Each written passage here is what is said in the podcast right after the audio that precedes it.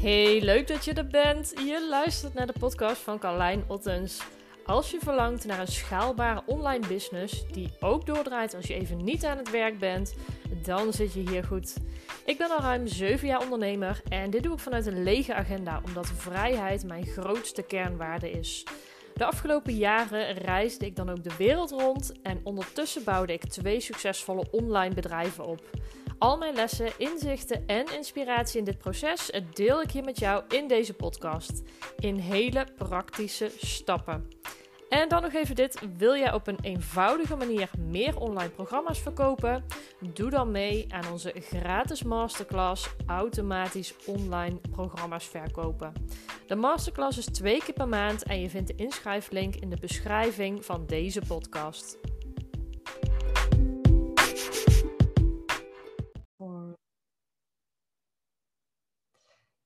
Yes, welkom allemaal. Leuk dat jullie weer luisteren naar deze nieuwe podcast. Ik heb vandaag een hele leuke, bijzondere gast en dat is Suzanne van Duin. Suzanne is de oprichter van Vrije Meid en uh, ze coacht ondernemers naar een vrij leven en dat doet ze door middel van haar uh, trajecten en haar cursussen. Ook schreef ze inmiddels meerdere boeken, uh, deed ze een TED-talk en ze inspireert dagelijks duizenden ondernemers to be via haar Instagram-kanaal. In december verschijnt haar nieuwe boek, De route naar een ton per jaar. En over die route ga ik haar vandaag flink aan de tand voelen, want daar willen we natuurlijk alles over weten. Daarnaast reist ze ook als eh, part-time digital nomad ehm, de hele wereld over. Uh, dus ze werkt vanuit de mooiste plekken en daar wil ik natuurlijk alles, uh, alles over weten. Dus welkom Suzanne, welkom. Ja, ja dank. Wat een, wat een ontvangst. ja, ja, precies. Hey, superleuk dat je hier bent in deze podcast en dat, dat je vandaag heel veel interessants gaat delen over jouw ondernemersreis. Ik hoop het. ja, daar, daar ben ik wel zeker van. Hey, waar, eh, waar zit je op dit moment? Vanuit waar werk je nu? Ehm, ik zit letterlijk gewoon in mijn woonkamer vandaag. In Utrecht, Nederland. In Utrecht, in Utrecht. En heb je nog mooie reisjes in het vooruitzicht? Ja, zeker. Ik heb, eh, als het goed is, zit ik over twee weken lekker in Kaapstad, Zuid-Afrika. Ja. Uh, voor drie weken. Dus echt, ja. ja echt even heerlijk genieten van goed weer en roadtrip, zee, zon, bergen. Lekker, lekker om het jaar af te sluiten. Ja, nou inderdaad. Het, inderdaad ik, uh, dat, dat is het ook vooral. Het is echt in december boeklancering en dan lekker vakantie. En dan is het voor je 20 januari. En dan heb ik wel een tripje naar Oostenrijk gepland staan. Mm -hmm. Maar goed, ja, we weten allemaal tegenwoordig... Het is zo lastig plannen. En Oostenrijk is momenteel heel streng. Dus uh, ik zie het wel. Ik, ik, uh, ik voel me er goed bij. Ja, ja heerlijk. Lekker hey, ik wilde deze, uh, deze aflevering beginnen met jouw favoriete ondernemersquote. Een quote die jou uh, de afgelopen jaren geïnspireerd heeft. Daar ben ik benieuwd naar. Um, nou, eigenlijk... Ik, ik, ik heb altijd heel veel quotejes zo in mijn hoofd. Maar één, um, één die ik laatst ook alweer heb uh, gebruikt voor iets is... If you don't like where you are, move. You're not a tree. Ja, mooi. En dat slaat eigenlijk ook op zowel het fysieke, van hè, locatie onafhankelijk zijn. Als je niet hier wil zijn, dan kan je ergens anders heen. Mm-hmm. uh, maar ook wel um, ja, qua uh, spreekwoordelijk, zeg maar. Weet je, als je ja. de situatie niet bevalt, dan moet je er iets aan gaan doen. Ja, je mooi. hoeft niet hetzelfde te blijven. Ja, je hebt, je hebt een keuze inderdaad in, uh, in het leven. Hey, en jij noemt jezelf part-time digital nomad, hè? Ja, ja. klopt. Ja. Um, dat Kun je doe dat ik al uitleggen hoe dat? Ja, dat komt eigenlijk omdat, uh, nou ja, technisch gezien is een digital nomad natuurlijk een nomade. Dus Mhm. iemand zonder huis, zou ik zeggen. Ja. Ehm, voor mij betekent het meer dat je locatie onafhankelijk werkt. Dus dat je inderdaad vanuit het buitenland ook regelmatig werkt. Mhm. Maar omdat ik dat niet fulltime doe, uh, ik heb een huis in Nederland, Ja. noem ik mezelf uh, part-time digital nomad. Ja, ja, mooi. Mooi, dus je kunt het eigenlijk op allerlei verschillende soorten manieren eh, kun je dat, eh, kun je dat doen inderdaad. Ja, ik vind het Ja. leuke van locatie onafhankelijk werken is dat je natuurlijk niet weg hoeft te zijn. Het Ja. is meer dat je de keuze hebt, omdat Ja. ik overal kan werken. En, en daar is het me eigenlijk vanaf het begin om te doen geweest. De Mhm. vrijheid om te kiezen wanneer je reist, waar je bent, waar je werkt. Ja, nou mooi is dat. Als je dat wel vanuit een stabiele plek kunt doen. Dat je wel inderdaad je basis in Nederland hebt, maar eigenlijk kunt gaan eh, wanneer je wilt. Even los van de hele COVID-situatie. Nou, eh, dan. ja, precies. En dat, dat komt ook wel, kijk, in het begin dacht ik ook dat ik het liefst alles achter me wilde laten en wilde Mhm. gaan reizen. Alleen ik heb best wel veel mensen ook gesproken die jarenlang hebben gereisd. Soms korter, soms langer. Mhm. En eigenlijk vroeg of laat wilde iedereen weer een thuisbasis. Ja, ja maar dan, hè, we willen eigenlijk allebei. We willen een fijne plek in Nederland, of waar dan ook. Maar we mhm. willen ook gewoon vrijheid en veel van de wereld zien. Ja. En ehm, ik had ook zoiets van, ja, ik denk ook dat dat beter bij me past. Ook omdat mijn vriend in loondienst is. Ja. Ja. Maar ook omdat ik weet van, ja, zelfs na een lange reis kijk ik altijd toch wel weer uit om naar huis te gaan. Ja. En dan kijk ik altijd heel snel weer uit om weg te gaan. Om dus weg te gaan, ja precies. Ik ken mezelf, ik wil het ook van allebei. Ja, maar dat is ook ervaren toch? Wat uiteindelijk het beste, beste bij je past. Dat ben ik nu ook aan het doen. Ik zit zelf natuurlijk in Madeira. En vanuit daar ben ik ook aan het ervaren van... hé, hey, waar is dan die beste plek om te wonen? En uh, uh, vanuit die plek kun je mooie reizen gaan maken inderdaad. Dat je wel de stabiliteit en een soort van veilige thuishaven hebt. Maar ook de mogelijkheid om... Uh, alle mooie tripjes te maken. Ja, dus, nou precies. Mooi. Ja, mooi. Ja, dat heb je zelf een vormgegeven ook. Thanks. Yes. Hey, en als we het even over jou, jouw ondernemersavontuur hebben, hè? want jij bent natuurlijk al, uh, al best wel een tijdje ondernemer. Um, als we even helemaal teruggaan, waar is dat voor jou gestart? Um, nou, eigenlijk heb ik zelfs mij al ingeschreven bij de KVK in 2013. Uh, ik was toen nog in loondienst en ik werkte toen vier dagen in de week. Dat mm ik mocht ook zeg maar niet meer werken daar. Ja. en op dat moment kreeg ik ook het aanbod om te gaan freelancen ergens. Mhm. Dus toen dacht ik, nou mooi, dan kan ik dat op die vijfde dag doen. Ik heb me ingeschreven bij de KVK zonder dus eigenlijk na te denken, zonder plan. Want ik ging gewoon freelancen voor eigenlijk één oh. opdrachtgever. Maar goed, mhm dat was toen nog met de VAR en zo. Maar ja, anyway. Uh-huh. Ehm, dat was echt minimaal. Dus ik denk dat ik, als ik één klusje per maand deed voor 100 euro, dan was dat het. Mhm. Ehm, tot eigenlijk twee jaar later, eind 2015. Mhm. Toen had ik wel het besef van, hé, hey, ehm, ik wil dit nu echt gaan doen. Maar dan echt gewoon voor, voor, de, ja, voor de volledigheid. en ik had toen al twee vaste klussen eigenlijk, doorlopend. Elke maand x aantal uren. Mm en dat was ook een beetje het besef dat ik dacht van... hé, hey, als ik dit nog een keer keer twee doe... dus als ik bijvoorbeeld vier vaste opdrachtgevers heb... Mhm. dan ben ik er in theorie. Ja. En, dat... Mhm. Oh ja. dat was voor mij toen het, het uh, zaadje dat ik denk van... hé, hey, ik kan dus eigenlijk gewoon dan helemaal voor mezelf werken. Ja. En ik deed al mijn werk toen locatie onafhankelijk, het freelance werk. Mm en dat was toen een beetje de, ja, de, de startsignaal van... hé, hey, dan kan ik dus digital nomad zijn. Ja, was dat een drijfveer voor jou om, om meer te kunnen gaan reizen... en daardoor uh, ja. Uh, overstap naar freelance te gaan maken? Ja, 100 procent. Ik ben puur voor mezelf begonnen eigenlijk voor de vrijheid. Je kan een heel mooi verhaal houden over passie om mensen te helpen... maar het was echt 100 procent eigen, eigen wil. Ik wilde gewoon uh, af van die vakantiedagen... Mhm. Af van die, van die regels van zo laat moet je hier zijn en dit moet je doen. Voor dit geld, uh, voor deze klant, op deze dag. Uh, ja. Ik wilde gewoon zelf bepalen. En ja, ik was eigenlijk natuurlijk ook nog hartstikke jong, weet je wel. Ja, ik mhm. had zoiets van de wereld is te groot om de hele dag uh, in een bepaald hok te moeten zitten. Ja, ja, ja ik herken dat, herken dat gevoel wel.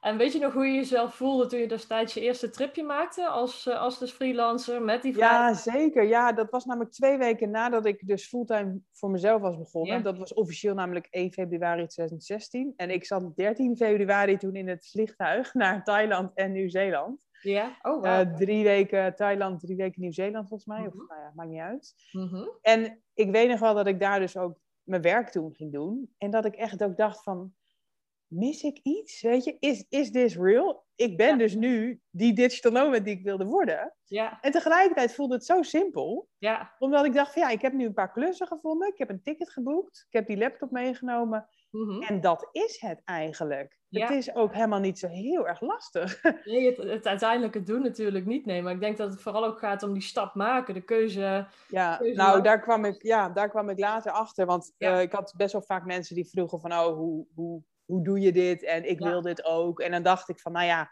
ehm, je moet werk hebben wat je overal kan doen. Ja. Uh, en je moet dan ook natuurlijk gewoon gaan. Mhm, maar uh, ja, verder is het ook weer niet zo heel lastig. Maar ik miste op het begin een beetje mhm. dat stukje ja, mindset, denk ik, um, als essentieel onderdeel. Ik had dat dus wel, maar ik zag niet dat ik dat had. Nee, nee. En dat dat het grootste deel is wat mensen eigenlijk tegenhoudt. Ja, en uh, wat ik een hele mooie, bijvoorbeeld, uh, want ik heb jouw YouTube-video's wel eens uh, gekeken, daar vertel je ook inderdaad over die omslag van in loondienst naar ZZP'er eigenlijk.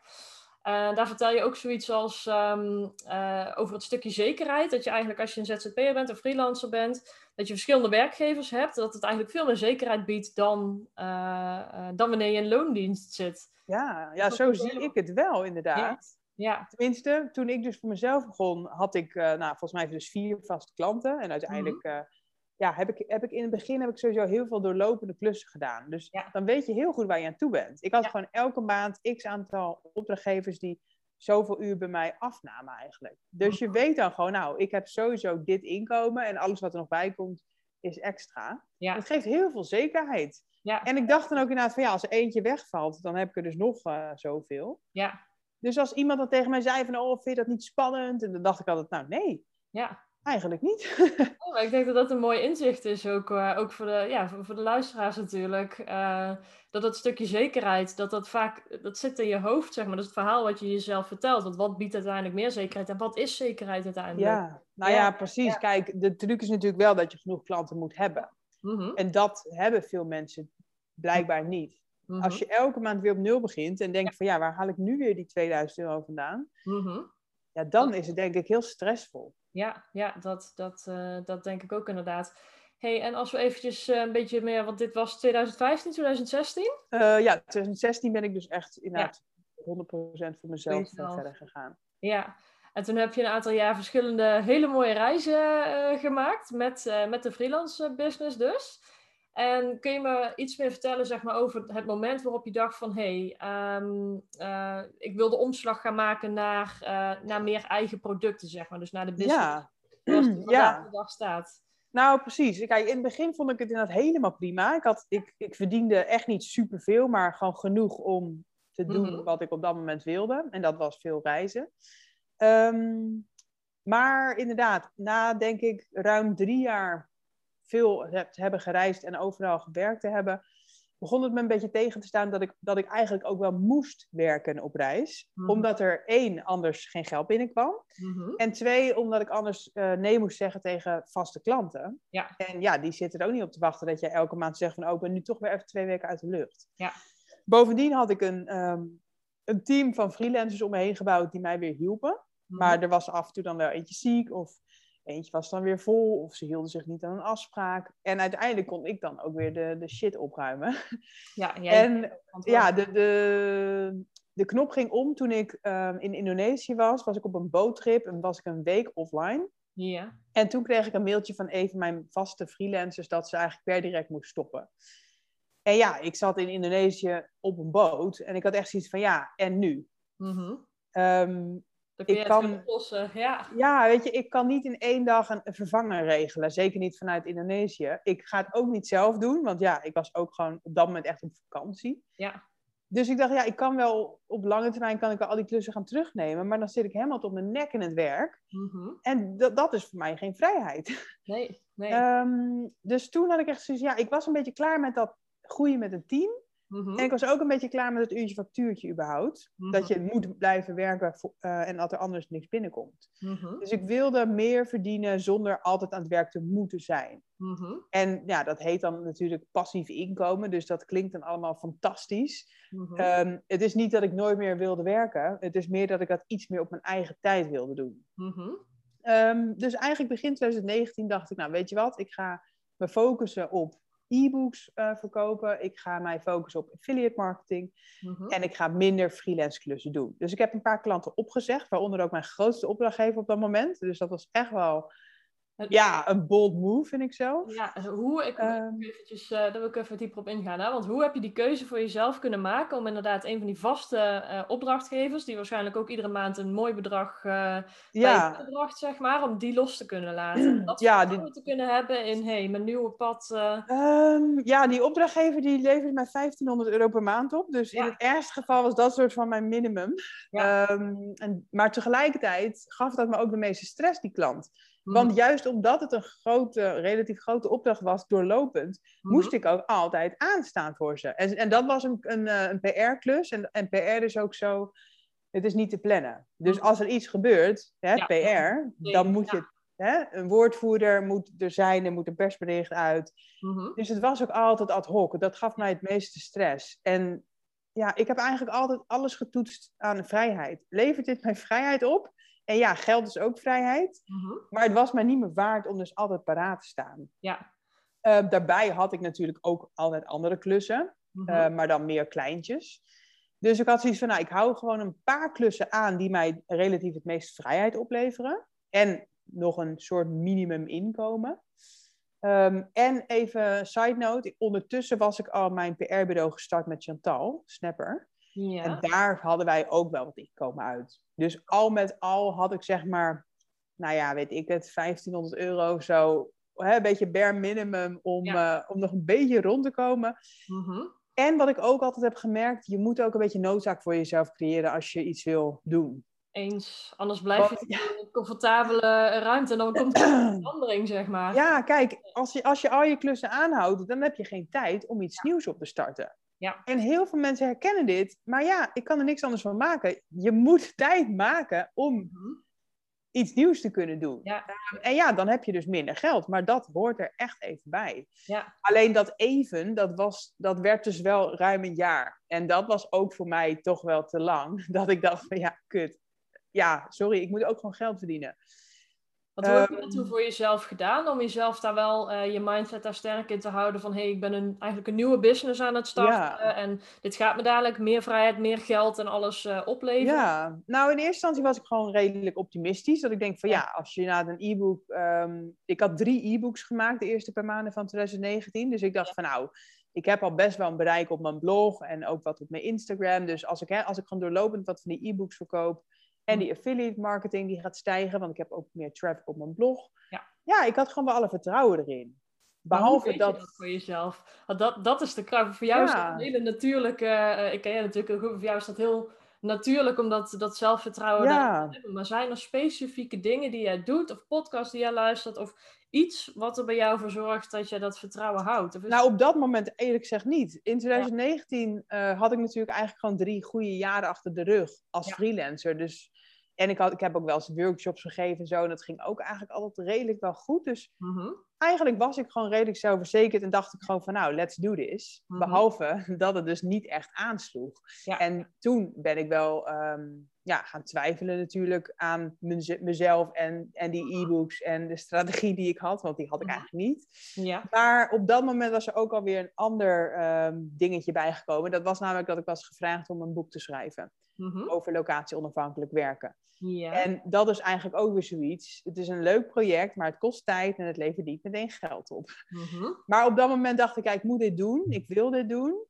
En ik, ik koos er dus eigenlijk ook bewust voor om ja, die karige tijd financieel, om, om die toch nog te verlengen. Mhm. Ehm, dus in 2019 was eigenlijk het hele jaar dat ik denk van ja, fuck it. Dit is gewoon even een echt een sober jaar. Ehm, maar dat boek moet er gewoon komen en dan zie ik het wel weer. Ik, ik denk mhm. dat ik zoiets dacht.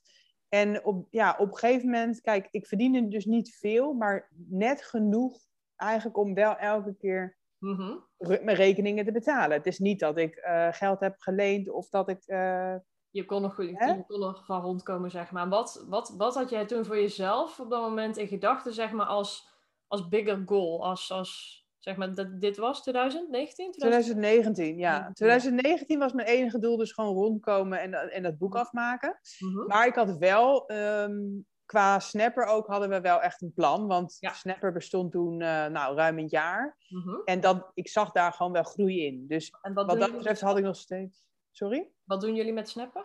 Uh, dat is mijn PR-bureau met Chantal. Dus we helpen ondernemers en grotere bedrijven om in de media te komen. Mm En op dat moment nou ja, zag ik dus ook daar groei. Dus ik wist ook wel, ja, ik weet niet. Ik weet altijd dat het wel goed komt, linksom of rechtsom. Mm Niet per se misschien met mijn, met mijn eigen bedrijf, niet, per se, niet misschien met Snapper. Maar je kan altijd weer een freelance klus zoeken. Dat is altijd nog de backup. Ik kan altijd een interim klus vinden. Ik kan altijd terug in loondienst. Je hebt altijd opties. Dus Mhm. wat dat betreft ehm, geloof ik er heel erg in van ja, je hebt niks te verliezen. Ga er nou maar gewoon voor. Want als het echt niet lukt en ik echt op, dat, op die bodem eindig, ehm, ja, dan is er zelfs dan wel weer een optie. Ja, ja, mooi gezegd inderdaad. Weet je, wat dat betreft leven we denk ik ook in een land waar we überhaupt een vangnet hebben. En eh, niet zo bang hoeven te zijn dat het echt helemaal misgaat. Het zijn vaak de verhalen die je jezelf eh, wijs maakt wat je uiteindelijk gaat geloven, zeg maar. Waardoor je ook blokkeert. Maar dat... eh, Ja. is- Nou, daarom, kijk, er is altijd wel een, ehm, een uitweg. Het enige is wel dat ik eind 2019, toen, nou ja, dat was dus een jaar nadat ik dat telefoontje kreeg op dat eiland.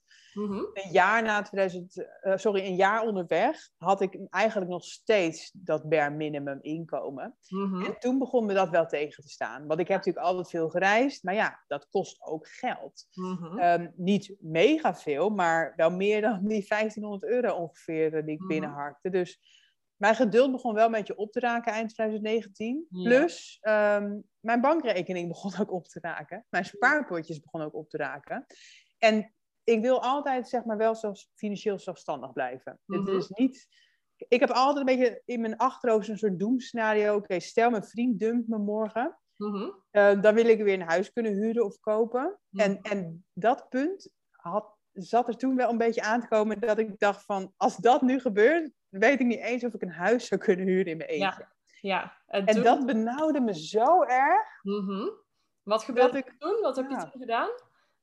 Nou, eigenlijk achteraf is het nu allemaal heel helder, maar ik denk op dat moment kleine stapjes dat ik, ehm, ja, dat er toch iets omging en dat ik dacht van, oké, 2020 moet echt beter worden. Mhm. Ik ben gestart met een rubriek, Mhm. dat heet, eh, heette toen Zij verdient een ton. Ja. En ik ben ondernemers gaan interviewen die dus, nou ja, om en erbij een ton verdienen. Mhm. Eh, omzet, soms winst. Eh, in ieder geval zijn ze allemaal, zeg maar, wel lekker bezig.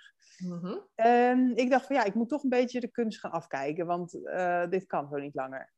Was die Daarnaast- voor jou, stond dat als, als vrijheid, zeg maar? Of hoe... hoe... Nee, echt om eerlijk te zijn, ik, Ja. had, ik heb ooit een blog geschreven, Hoe verdien je een ton? Dat Ja. was in 2018 zelfs al. En die blog is gewoon heel goed gevonden altijd. Ja. Dus dat was waarom ik dacht van, nou, dan doe ik die rubriek ook. Zijn Mhm. verdient een ton. Ja, het, het klinkt gewoon lekker. En, Mhm.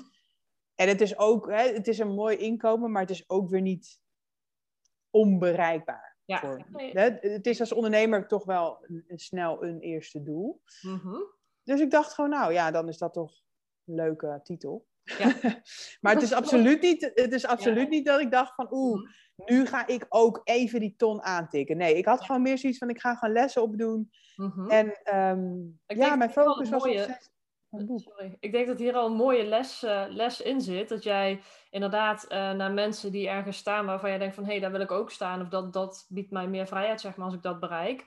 En dat jij ze letterlijk gaat interviewen om van ze te leren, om het vervolgens te modelleren. Ja, nou precies. Ja. Dus ehm, ja, daar ben ik mee begonnen. Daarnaast ehm, nou ja, dacht ik, ik moet toch echt een coach gaan eh, zoeken. Mhm. Eh, nou, niks moet natuurlijk, maar ik heb nooit een coach gehad tot, tot dat moment. Maar ik, om nou te zeggen dat ik succesvol was, nee. Dus, dus ik dacht van, ook daar, ik moet gewoon, ja nee, weet je wat het was? Ik wilde alles geprobeerd hebben Ja. voordat ik het zou opgeven. Dat was het. ja, was je op de... Ja, ja, Ja. sorry, praat maar verder. Eh, nee, dat, dat was de echte eerlijke gedachte. Ik had zoiets van, als ik echt nog één poging wil doen om die eigen producten en diensten te laten slagen, dus om niet terug te gaan naar het freelancen of Ja. zelfs interimmen of zelfs in loondienst, Mhm. dan wil ik echt me, ja, er alles aan gedaan hebben. Ja. En voor mij was dat dus het- ja, het soort van het laatste redmiddel, eh, een business coach. Mhm. Nou, dat ben jij geworden. Fast forward naar Ja. anderhalf jaar verder, zeg maar nu.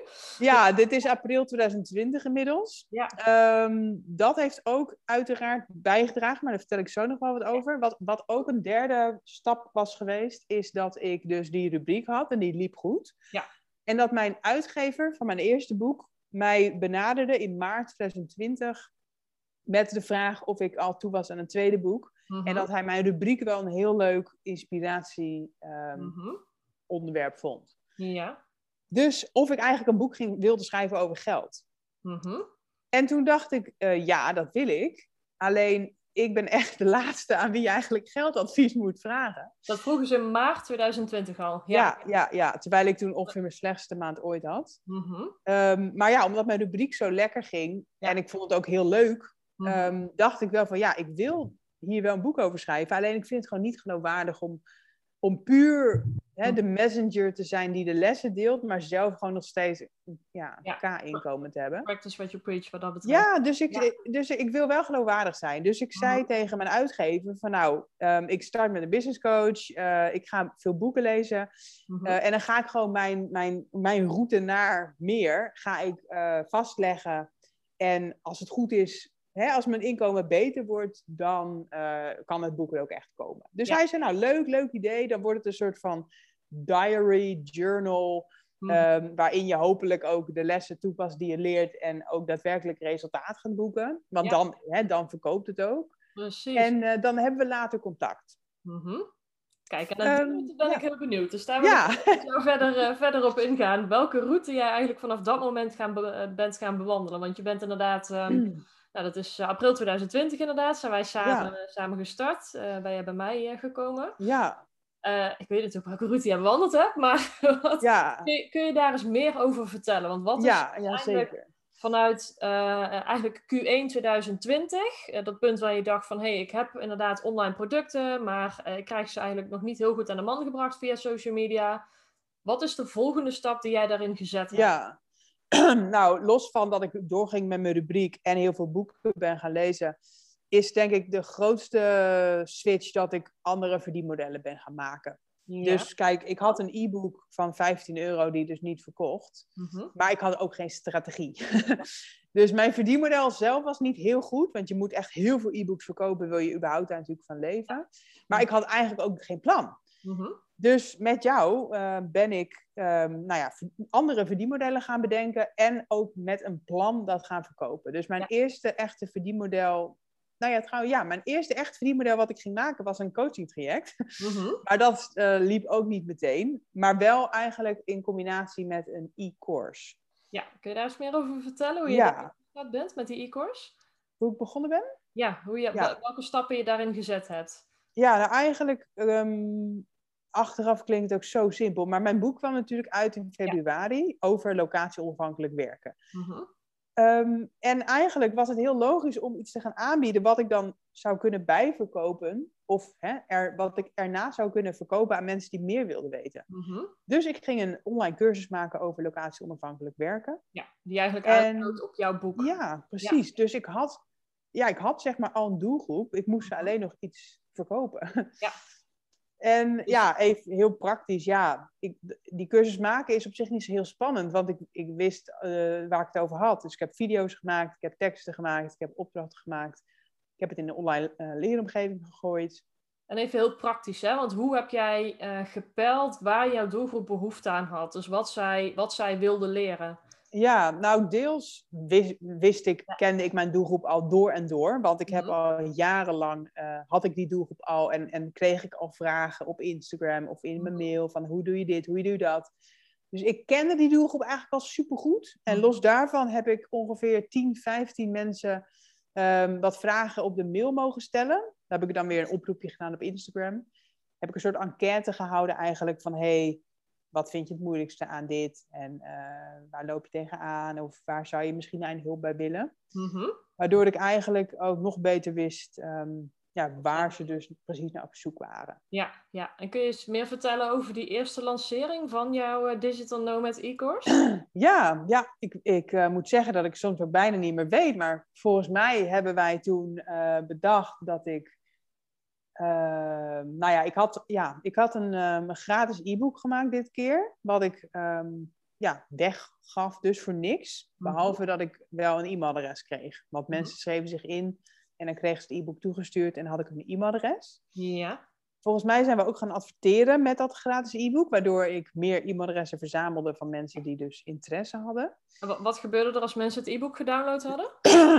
Dan uh, kregen zij een aantal mailtjes uh, toegestuurd met al wat uh, opwarming eigenlijk ja. over het onderwerp. Mm Um, en uiteindelijk ben ik ook uiteraard op Instagram veel, veel meer gaan delen, ook specifiek over het locatie-onafhankelijk werken. Terwijl ik eerst eigenlijk ook altijd all over the place was. Mm Dus zowel in de mail als op Instagram was alles gericht op het opwarmen eigenlijk van die, ja. uh, van die doelgroep. Mm Dus toen ik op een gegeven moment aankondigde van nou ja jongens, hij is er. De Digital Nomad e-course uh, is nu te koop. Uh, early bird korting zus en zo. Ja koop hem nu. Ja, toen liep het storm. Ja, hoeveel heb je er toen verkocht? Weet je dat nog? Uh, 50. Ja, of 48 of zo. Maar volgens mij, om en nabij, was het, was, waren het gewoon 50. En ik had nog nooit zo'n grote lancering gedraaid. Ik had wel eens 50 cursussen verkocht, maar dat waren toen destijds cursusjes van 15 euro. Mm En deze cursus, die kostte toen? Uh, eh, 100 euro in de early bird. Dus ik had in één keer opeens 5000 euro omzet verdiend.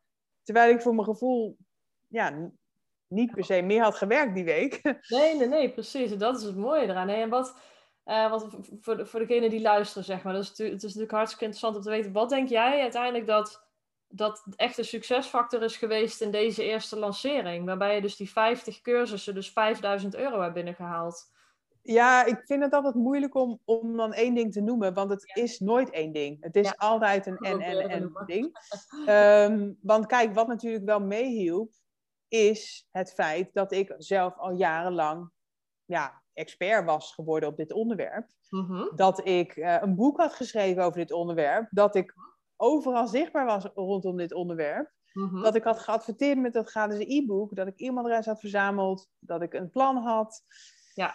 Uh, ja. Dus ook het kiezen van één onderwerp hoor ik jou zeggen. Dus, dus uh, het specialiseren van je niche. In jouw geval dus het digital nomad en het locatie onafhankelijk werken. En op basis daarvan uh, je geld verdienen. Ja, kijk, ja, ik denk het wel, inderdaad. Ik denk dat ik op, op, op dat onderwerp was ik echt overal. Ik heb zelfs, zelfs een TED-talk gegeven die week ervoor. Ja, ja, ja. dus ja, dat hielp ook weer mee. Dus wat dat betreft, het is niet één ding, maar eigenlijk samenvattend, ja, niche. Ja, ja, niche kiezen. Maar ook, um, uh, wat ik bij jou ook heel mooi zie, is durf dat podium te pakken. Dus letterlijk het podium van de TED-talk, van de TED-talk maar ook uh, je podium op Instagram. Ja, nou zeker. Kijk, we hebben allemaal wel eens twijfels van, oh, kan ik dit wel of ben ik hier de beste in? Maar um, ja, je kan het. Om? Met die, met die gevoelens inderdaad, uh, wat je net zegt? Hoe stap ja, ik, kijk, ik heb ook heus wel eens uh, van dat soort stemmetjes in mijn hoofd, maar ik luister er eigenlijk niet meer naar. Ja, maar hoe, hoe doe je dat, zeg Want ik denk dat daar de uitdaging voor mensen is om inderdaad die telefoon erbij te pakken, om inderdaad uh, kennis te gaan delen, ja. een groep op te gaan bouwen. Ja, ja, hoe doe ik dat? dat? Dat is ook heel vaak de vraag. Ik weet niet zo goed waarom ik dat dus kan. Mm Behalve dat ik altijd denk, ja, life's too short. Ik kan wel in een hoekje gaan zitten, maar dan ga ik het sowieso niet binnen. Ja. Maar ja. Heb, je een, heb, je nog een praktische tip, zeg maar, om uh, over dat stukje zichtbaarheid, angst, om daar overheen te stappen? Um... Een praktische tip. Ja, god, praktisch. Hoe, ja. hoe jij daarmee begonnen bent, zeg maar. De praktische tip is, is vooral doen. Ja. Kijk, uh, iedereen begint op nul volgers. Mhm. Iedereen vindt zijn stem in het begin lelijk. Mhm. Iedereen vindt zichzelf niet knap uh, als hij zichzelf, zijn selfie-camera opent. Iedereen heeft dat. Ja. Uh, dus tegelijkertijd, ja, je kan het maar beter gewoon doen, want ja. ik zie er nou eenmaal zo uit, weet je wel. Dat gaat niet veranderen.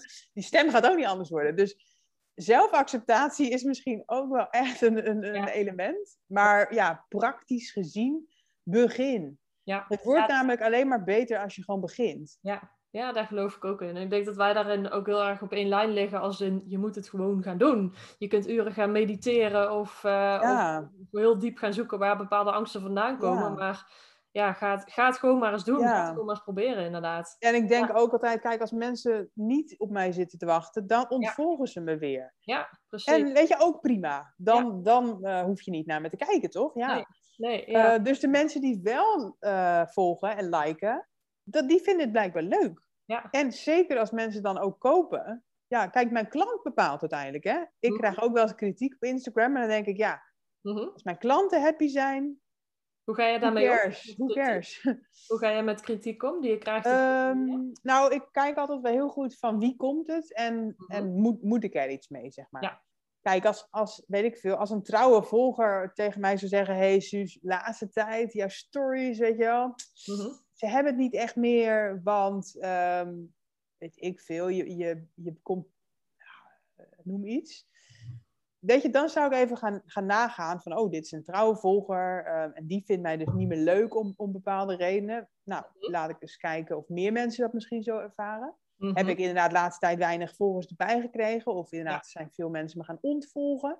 Weet je, mhm. dan kan ik het onderzoeken en dan kan ik er misschien iets mee ja. gaan doen. Ja. Maar op het moment dat ik van iemand gewoon een, een pismail krijg met, met kritiek, wat Mhm. nou ja, niet echt onderbouwd is en ook niet terug te zien is in de cijfers. Mhm. Weet je, juist, ik ben bijvoorbeeld juist heel hard gegroeid. Ja. Dan denk ik, ja, blijkbaar zijn er meer mensen die het leuk vinden dan die twee azijnpissers. Ja, ja, ja. Dus ja. ja, dan kan ik gewoon denken, nou ja, jammer. ehm, Ja. Ik ga dan gewoon voor de massa. Ja, ja, mooi inderdaad. En ik denk ook dingen niet te persoonlijk opnemen, want dat is wat we vaak doen. Hè? Als er inderdaad kritiek komt op social media of onder een advertentie of net wat dan ook. Het is niet Nou, een precies. persoon, je bent een bedrijf, zeg maar. Dus dat... Nou, en, en, en los daarvan, Mhm. de, de kritiek gaat niet zozeer over mij en ook niet over mijn bedrijf. Het gaat er eigenlijk over iemand, iemand anders. Iemand anders beleving. Want als, ik krijg bijvoorbeeld ook eh, van de week nog, ik had inderdaad ook weer iets gedeeld over nou ja, geld verdienen, want ja, mijn Mhm. boek komt bijna uit. Mhm. En toen had iemand inderdaad gezegd van, ehm, jeetje, was jij niet tevreden met 4000 euro omzet? Eh, jeetje, nou, ik vind dat echt meer dan genoeg. Ja. En Dat dan denk ik, ja, Ja, maar dat, is, dat is jouw visie. Jij vindt blijkbaar 4000 euro genoeg. En dat is Mhm. helemaal oké. Ja, Ik vind 4000 euro niet genoeg.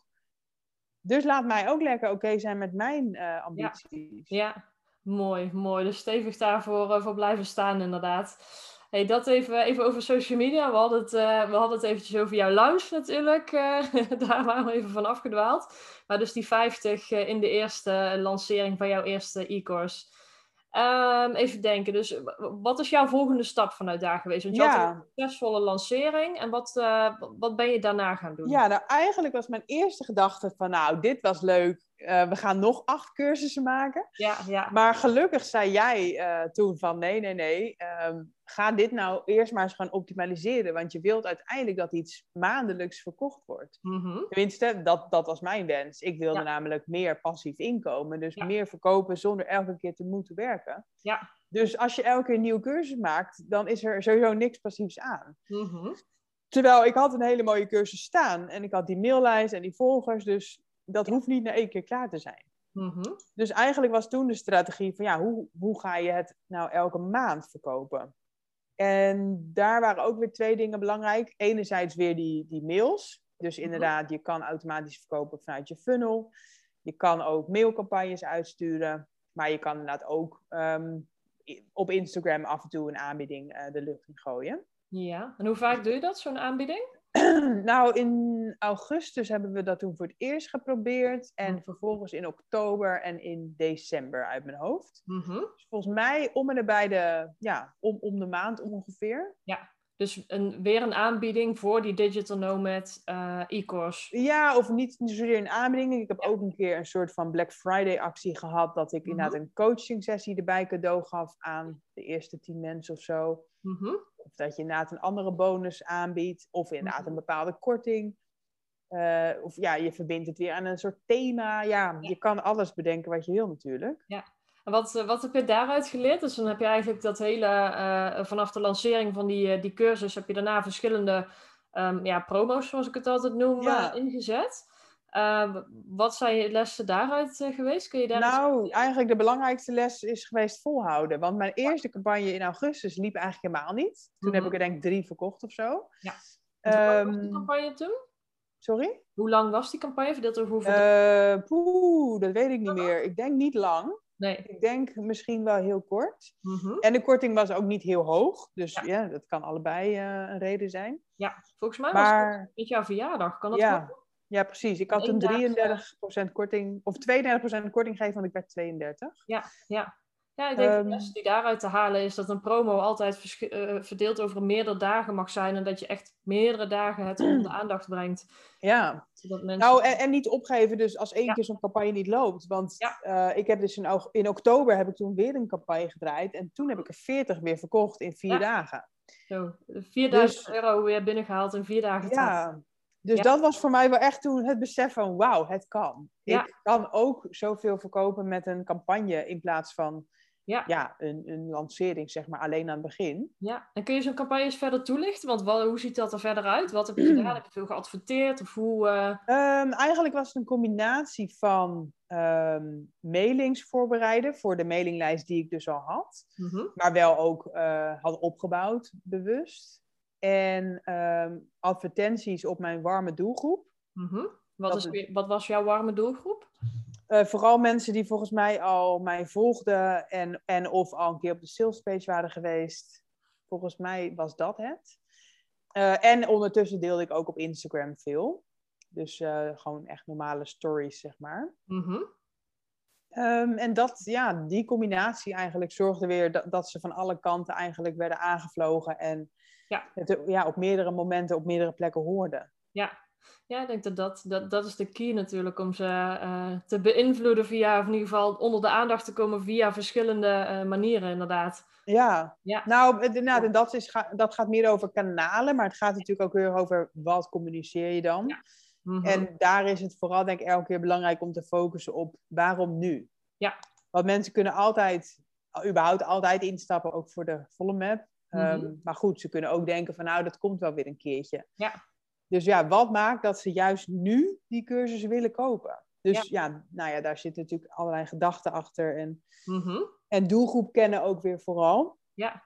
Wat, wat heb je daaruit geleerd, zeg maar? Wat heeft uit die promo's het beste gewerkt om mensen, om, om, om een stukje urgentie te creëren? Is dat een bepaalde korting of een bepaalde bonus? Of hoe heb je dat aangepakt? Ja, ik denk uh, een combinatie weer ook van, ja, sorry hoor, ik ben een beetje genuanceerd vandaag, maar uh, ik denk uiteindelijk een combinatie van een bepaalde deadline met een korting, waardoor mensen ook echt uh, financieel de urgentie hebben van, oh shit, ik moet nu kopen, want hij is nu in de aanbieding. Mm -hmm. In combinatie met het stukje, waarom heb je nu deze cursus nodig? Ja. En dat gaat meer over inhoud van hè, waarom zou je locatie onafhankelijk willen werken? Nou ja, hm. in mijn geval was dat gewoon, ik wil niet langer tussen die vier muren opgesloten zitten. Mm um, dus dat gevoel probeer ik dan eigenlijk over te brengen ook. Van ja, voel jij ook die, hè, die, die, die benauwing en wil jij ook gewoon lekker kunnen reizen wanneer je wil en mm -hmm. vrijheid? Ja. Uh, moet ik zeggen dat het zelfs al corona was toen. Dus het is echt niet zo dat dat al mijn doel. Hè, het is niet zo dat al mijn volgers alleen maar willen reizen. Mm-hmm. Maar wat ik al zei in het begin, daar gaat het niet alleen om. Het gaat er niet om dat je altijd op reis moet zijn. Mm-hmm. Het gaat er gewoon vooral om dat vrije gevoel dat je een keuze hebt. Ja, ja, dat is een mooie les daaruit. Is ook uh, die doelgroep kennen, maar ook meebewegen met de situatie. Want jij was inderdaad net helemaal op het locatie onafhankelijke gericht. En boem, toen kwam er uh, corona inderdaad. Ja. Uh, het stukje... Ja, precies. Um, even kijken, hoe is het woord ook alweer? Um, ik kom even niet op het woord, maar dat je in ieder geval beweegt met, met de situatie. Ja. Ja. Nou, daarom. En dat is ook wel... kijk, heel veel mensen gaan natuurlijk ook aan op het stuk zekerheid. Ja. Of andersom, um, mensen twijfelen het meeste over het stukje loslaten en vertrouwen mhm. dat ze genoeg verdienen. Ja. Dus ik ben ook wel het geldthema ben ik ook wel gaan aanstippen al in die campagnes. Mm Van hè, je, dat houdt mensen namelijk vooral tegen. Want je hoeft niet onzeker te zijn over je inkomen als je deze keuze maakt. En mhm. ook ik verdiende gewoon prima. En je kan ook inderdaad uh, lekker rondkomen als freelancer. En Mm Nou ja, dat thema inderdaad, daar gingen mensen ook wel op aan. Ja. En sowieso deelde ik toen ook al wat meer over geld, omdat ik natuurlijk ondertussen ja, uh, nou ja, dat, aan dat tweede boek bezig was. Ja, ja, ja. ja. Hey, supermooi. Dus even kijken, je had toen verschillende lanceringen. Nou, die pakte uh, voor het grootste deel uh, goed uit. Dus daar haalde je per lancering iedere keer een paar duizend euro mee binnen.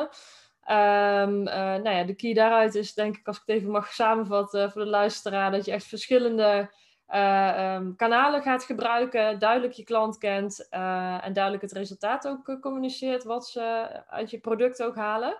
Ja. Wat, wat is nu je volgende stap geweest? Want dat waren iedere keer nog lanceringen van ja. het product. Nou ja, eigenlijk even goed om te melden is dat ondertussen mijn coaching traject wel vol zat. Ja. Um, wat gedaan? Wat zei je? Hoe heb je dat gedaan? Nou, ik denk eerlijk gezegd dat dat een beetje voortvloeide uit al die cursisten. Want er zijn natuurlijk altijd mensen die, um, die meer willen, die de cursus in de praktijk willen brengen en denken, ja, ik loop eigenlijk nog steeds toch een beetje tegen wat dingen aan. Ik wil graag hulp. Mm-hmm. Dus er waren cursisten die, die wilden doorstromen naar mijn coaching traject. En tegelijkertijd waren er ook mensen die eigenlijk meteen zeiden van, ik wil niet zo'n cursus, ik wil gewoon dat jij het me gaat vertellen en leren. Ja, en had jij dat op je website staan of heb je dat ergens genoemd dat je ook één op één coach? Um, eigenlijk heb ik het nooit heel groot genoemd. Ik heb het wel op mijn site. En ik denk dat ik het één keertje ook in de, in de funnel deel, zeg maar, in de mail. Ja. Maar het is niet dat ik daar heel hard op heb hoeven sturen. Nee. Uh, maar goed, ik deed ook maar vier coaches tegelijk hoor. Dus je Mhm. zit op zich ook snel vol. Mhm. En dat deed ik heel erg bewust, want ik wilde dus niet alleen maar mijn tijd verkopen. Nee, dat, dat is Ehm, dat je aan het maken was inderdaad. Ja, dus in eh, januari 2021 zijn we inmiddels. ehm, heb ik besloten om een groepsprogramma te gaan lanceren. Yes, vertel me ja, over die route. Ja, hoe noem je het? Ja, een soort groepstraject eigenlijk, waarin ik dus in een groep mensen ging coachen. Mhm. Waardoor het mij op zich dezelfde aantal uren kost, maar ik veel meer mensen kan helpen. Dus Ja. ja, het is echt schaalbaar. Mhm. En nou ja, dat heb ik eh, gelanceerd in februari. En dat startte toen 1 maart. Ja. En daar heb ik toen een, leuke groep van vijf vrouwen eh, voor gevonden. De Freedom, Freedom, Freedom Queen. Queen, ja, Freedom Queen heet dat dan. ja. Omdat het programma ehm, is echt gericht op nou ja, dezelfde transitie eigenlijk eh, die ik zelf heb gemaakt. Dus het Mhm. afstappen van uurtje factuurtje denken Mhm. en het opzetten van een schaalbaar verdienmodel. Dus het kan een Mhm. cursus zijn, het kan een, een, een e-book zijn, als je dat toch wil. Ja. Eh, eh, alle, allerlei online producten eigenlijk. Dus jij leert ze dat maken en jij leert ze uiteindelijk ook eh, de, verkoopstrategie, zeg maar, zoals jij hem... Ja, nou, er zit ook wel een heel stuk voor eigenlijk. Mhm. Omdat ik heel erg geloof dat je iets moet doen wat bij je past, Ja. met de juiste reden. Ja. Dus er zit inderdaad een module bij dat je ook vooral gaat kijken van ja, wat wil je, wat wil je nou eigenlijk voor leven? Mhm. Want wat voor leven je wil, beïnvloedt uiteindelijk wat voor bedrijf je zou moeten opzetten. Mhm. Want je bedrijf faciliteert uiteindelijk je droomleven, als dat goed is. Als het goed is. Ja. Ehm, er zit ook een mindset module bij, omdat we eigenlijk meteen in beperkingen denken als het gaat over schaalbaarheid en passief. Wat was een van jouw eh, beperkingen destijds op dat gebied? Ehm, nou, nog steeds heb ik die wel vaak hoor.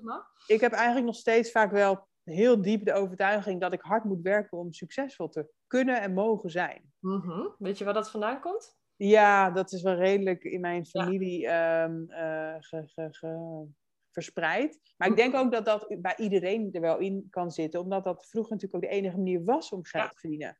Ja. Weet je, als jij, vroeger waren we allemaal gewoon bakker en slager. En ja, Ja. als je dan niet werkt, Ja. plank. Ja, precies. als je niet werkt, komt er ook niks binnen. Mhm. En ook nog eens echt hard werken. Ja, en ik denk ook dat dat een beetje ehm, verantwoorden van succes is. Dat als je hard hebt gewerkt, Mhm. dat je kan zeggen dat je het dan hebt verdiend en Ja. dat mensen het je dan ook gunnen. Mhm. Want in Nederland hebben we natuurlijk wel een beetje zo'n cultuur hè, van doe maar normaal. Ja, dat doe je al gek genoeg. Eh, ja, doe maar Ja, niet je hoofd boven het maaiveld uitsteken. Ja, hey, en hoe doe je dat voor Ja. jezelf? Want je gaat dadelijk bijvoorbeeld eh, een maandje naar Kaapstad eh, toe. Volgens mij ga je daar ook lekker vrij nemen om dit Ja. jaar af te sluiten.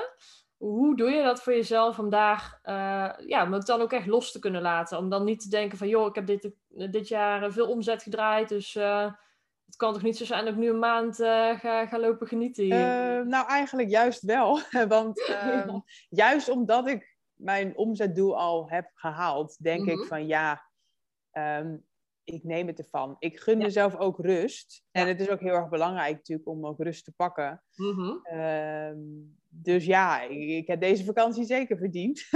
Ja.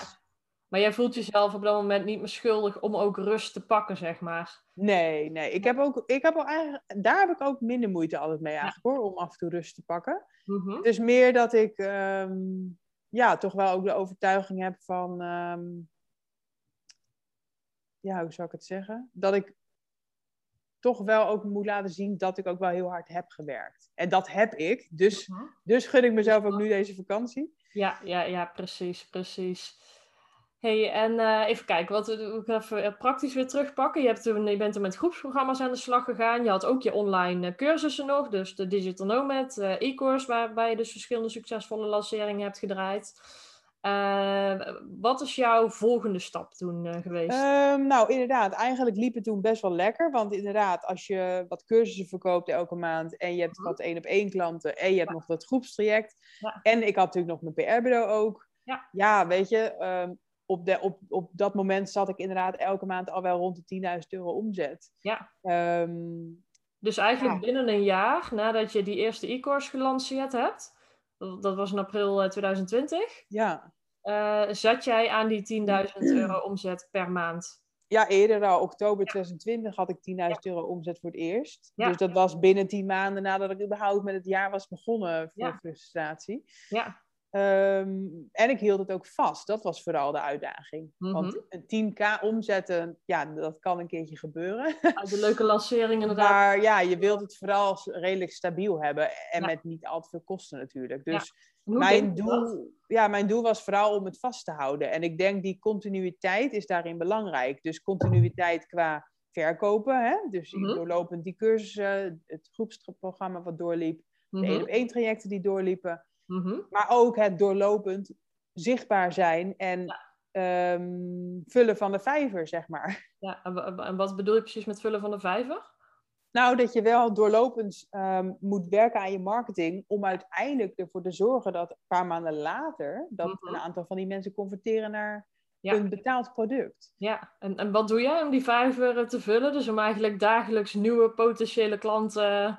Ja, eigenlijk ook weer honderd dingen. Ehm, terwijl ik, ik ben helemaal geen voorstander van dat je honderd dingen moet doen hoor. Maar ik vind ook gewoon heel veel leuk en heel veel dingen gaan moeiteloos. Ja. Ehm, maar ik ben eigenlijk bijna elke dag wel op Instagram aanwezig. Mhm. Ik heb bijna ook wel doorlopend geadverteerd. Onder andere met dat gratis e-book nog steeds. Ja. Ik heb uh, nog steeds mijn blog, die ook uh, heel goed wordt gevonden in Google. Waardoor mhm. ook nieuwe mensen mij, mij vinden. Ja. Ik ben ook een podcast gestart.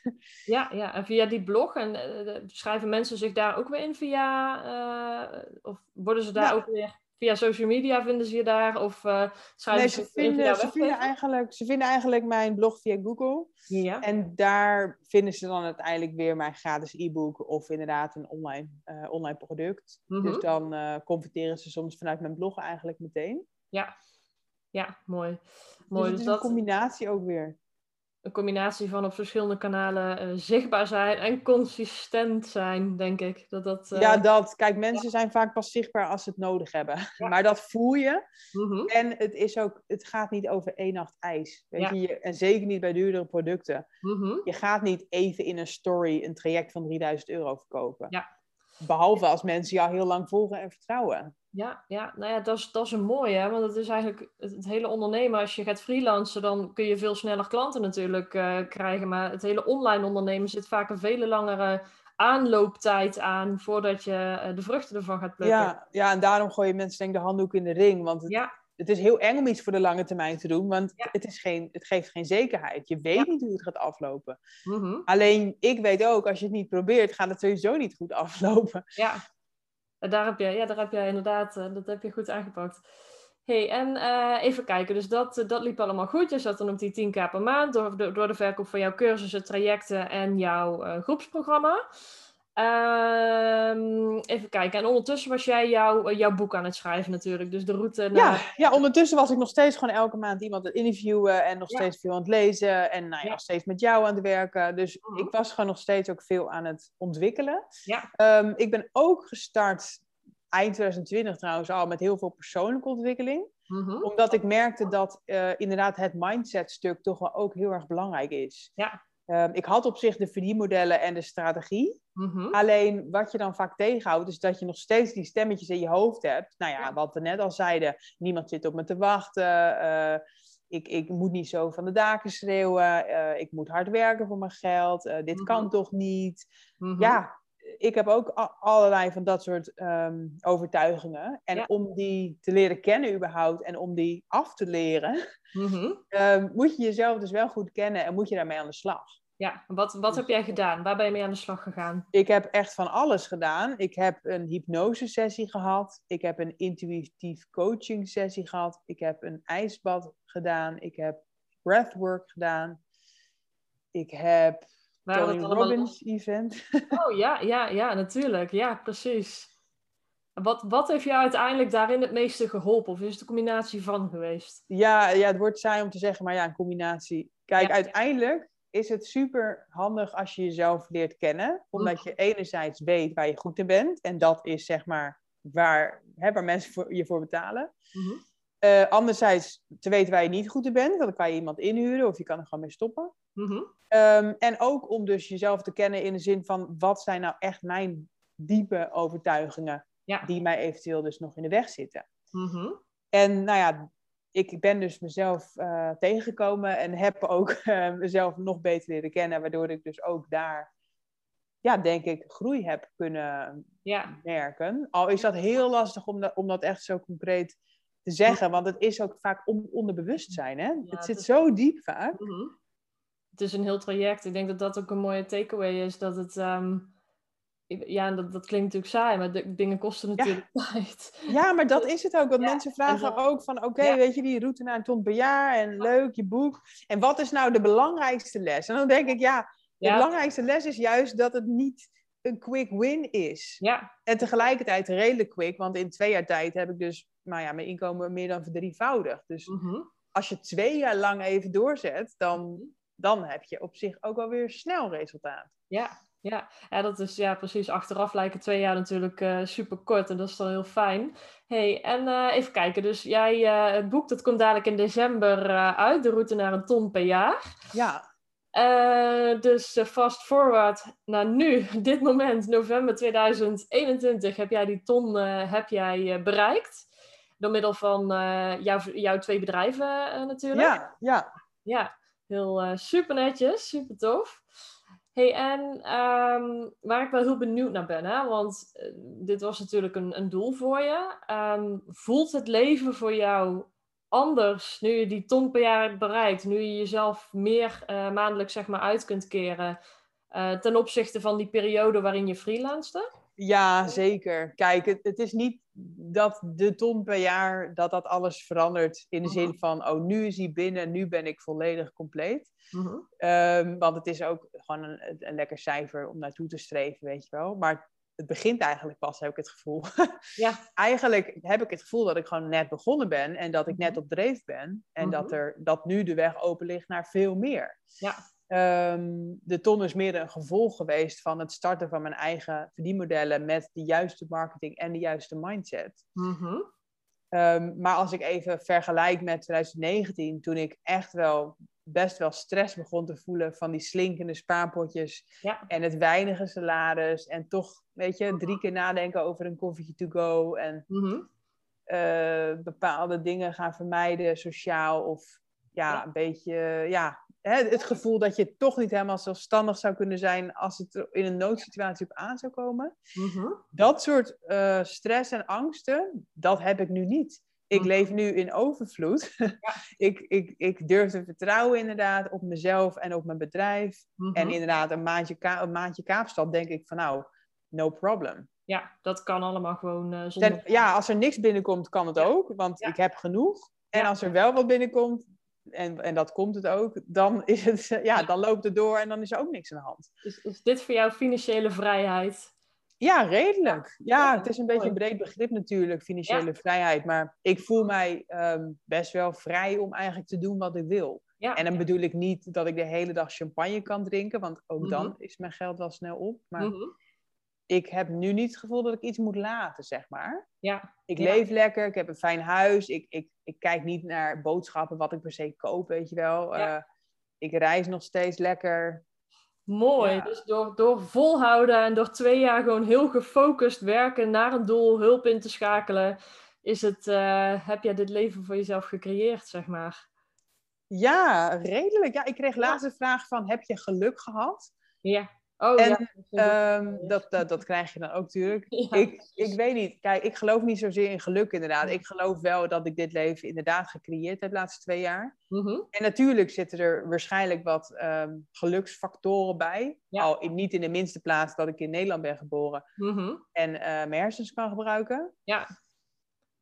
Maar, um, maar goed, in het begin. ja, verder denk ik ook, ik heb het niet cadeau gekregen hoor. Niemand heeft, niemand heeft mij die e-course cadeau gedaan. En niemand heeft mij gezegd van, oh, uh, ik word wel je coachklant. Uh, ja, ja je hebt dat heb ik zelf bedacht. Dat, ja, en daardoor kun je nu genieten van die vrijheid. Dat is, dat is natuurlijk gewoon wat het is ook. Ja, nou, en er zit behoorlijk wat geld in natuurlijk. Ik heb heel veel kosten ook gemaakt. Mm-hmm. Eigenlijk vorig jaar en ook dit jaar. Ja. Uh, kosten niet zozeer um, qua.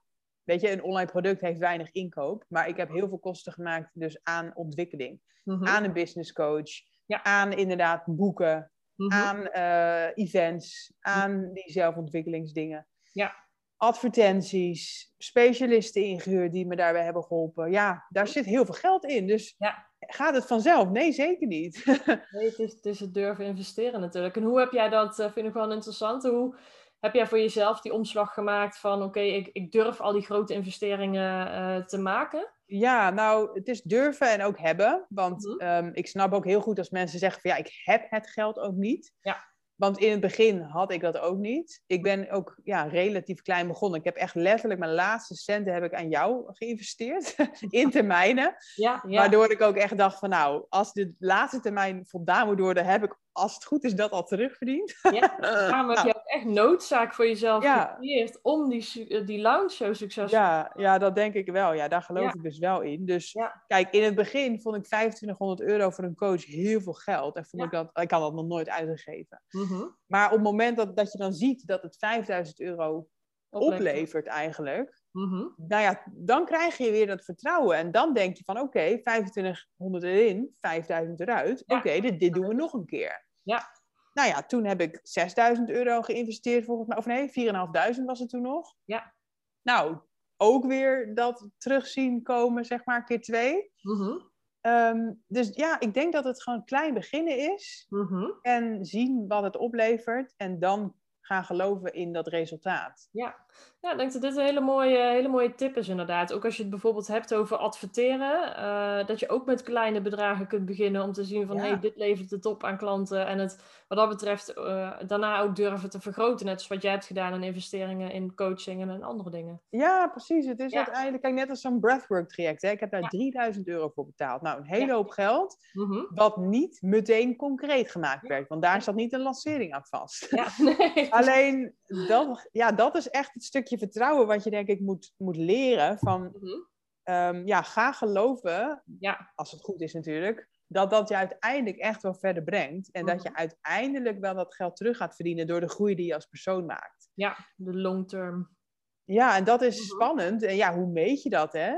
Ja. Uh, nou ja, hoe meet ik dat? Ik, ik kijk gewoon mijn kosten dit jaar en ik kijk mijn omzet. Mhm. En ik hou uh, een bedrag over. Dus blijkbaar heeft het geloond, weet je wel. Jouw, jouw inkomsten, wat jij jezelf maandelijks uitkeert, dat ben je ook uh, stapsgewijs gaan vergroten daarna. Ja, en die niet eens zo heel veel hoger hoor. Maar, maar mhm. wel gewoon net even het verschil tussen ja. karig en ja. prima. Ja. Goed ervan kunnen leven. Ja, lekker naar Kaapstad kunnen straks. Heerlijk. Ja hey, we zijn inmiddels uh, bijna een uur onderweg. Je hebt echt uh, superveel waardevols gedeeld over jouw, uh, jouw groei naar, naar die ton per jaar. Heb je nog iets anders wat je de luisteraars graag mee wilt geven? oeh, nou ja, um, goede vraag. Ik, ik ben een beetje sprakeloos inderdaad. Ik denk dat, ik, dat, ik, dat het dus redelijk wil zijn. Kijk, het, de drie elementen die ik het belangrijkste vind in mijn eigen reis, mhm. of het resultaat, zijn vooral die verdienmodellen, die marketing en die mindset. Mhm. En hoe ik dat heb gedaan is inderdaad uh, hulp zoeken, lezen, podcast luisteren, zelfontwikkeling, ja, investeren in jezelf en in je kennis en in je bedrijf. Ja. En dan, en dan vooral volhouden. En misschien, misschien nog het laatste wat ik dan daarover kwijt wil, doen wat je leuk vindt. Mhm. En dat klinkt ook weer zo too good to be true. Maar mhm. als je niet doet wat je leuk vindt, hou je het niet vol. En hoe dan heb jij je... wat je leuk vindt? Kun je, kun je, dat, kun je daar nog een... Uh, ja, dat, dat eh? begon natuurlijk eigenlijk al in 2019 toen ik het aanbod kreeg om mijn boek te schrijven. Mhm. Dat ik dacht van, uh, ja, hell yes. Ehm, durf dan toch, denk ik, naar je gevoel te luisteren. Ook al was mijn bankrekening leeg. Ik mhm. wist gewoon, dit is wat ik wil doen. Ja. En dat is uiteindelijk wel uh, nou ja, het begin geweest, inderdaad, van, mhm. van, van dit. vrije, het hele vrije meid-imperium. Ja, ja, dus ik denk wel dat dat ehm, heel erg belangrijk is. Ik krijg heel vaak vragen van, oh, wat moet ik daar gaan doen? Ja. En dan denk ik, ja, ik weet het niet, want ik ben niet jou. Mhm. Maar ga vooral eens beginnen met kijken wat vind je eigenlijk leuk. Ja. En waar ben je goed in? En vaak is het hetzelfde. Mm -hmm. een balletje wat moet gaan rollen, denk ik. Dat het, uh, het wil niet zeggen als je ergens mee begint dat je daar ook mee moet eindigen. Nee, nee, dat zeker niet. Nee, want inmiddels inderdaad uh, deel ik nu heel veel over geld verdienen en Nou ja, groeien met je bedrijf. Ja. En niet meer zozeer over locatie onafhankelijk werken. Al is dat ja, een en hetzelfde ook voor mij. Want doordat ik nu schaalbare verdienmodellen heb en meer verdien, voel ik mij ook vrijer dan ooit. En ben ik nog steeds locatie onafhankelijk. Ja, precies, precies. Het is heel mooi. Je neemt mensen mee in jouw ontwikkeling als ondernemer. En die lessen leer jij weer richting, uh, richting je klanten. Ja, en ook daar blijf ik dus heel dicht bij mezelf. Ik deel ook gewoon wat ik leuk vind en ik, ik ben mhm. mezelf. En als mensen dat niet leuk vinden, dan moeten ze dus niet bij mij zijn. Ja, mooi. Dus daarvoor durf te gaan staan en je podium pakken. Dat uh, vind ik echt een van je krachten. Nou, thanks. Ja, ja gedaan. Hey, top. Hey, dan wil ik jou, we zijn we inmiddels een uurtje bezig. Ik wil jou heel erg bedanken voor, jou, uh, voor jouw tijd en voor het delen van al je waardevolle lessen. En waar kunnen mensen jou vinden? Ja, nou mijn boek is eh, te vinden in uh, eigenlijk de, de grotere winkels, Bruna, uh, bol.com, dat soort dingen. Mm En ik weet niet wanneer deze podcast online komt, maar als je er snel bij bent, kan je nog een gratis e-course erbij krijgen. Tot wanneer is die verkrijgbaar? nou, in ieder geval tot 3 december. Oké. En anders zolang de eerste druk er nog is. Dus ja, mhm better safe than sorry, zeg maar. Op is op. Op is op, precies. precies. En um, mij persoonlijk kan je het beste vinden, denk ik, op vrijemeid.nl of op Instagram, vrijemeid. Super, super. Ik zal het ook eventjes onder deze podcast uh, neerzetten. Hey, dan gaan wij hier de podcast mee uh, afsluiten. De luisteraars allemaal super dankjewel voor het luisteren. Ik hoop dat dit natuurlijk uh, heel waardevol voor jullie was. Ik weet het wel zeker. En Suus, super bedankt voor het delen van alles. En ja, see you soon. Ja, jij bedankt. Graag gedaan. Even testen of ik ook een podcast kan opnemen als ik mijn telefoon op. Ja, ik moet echt nieuwe zultjes.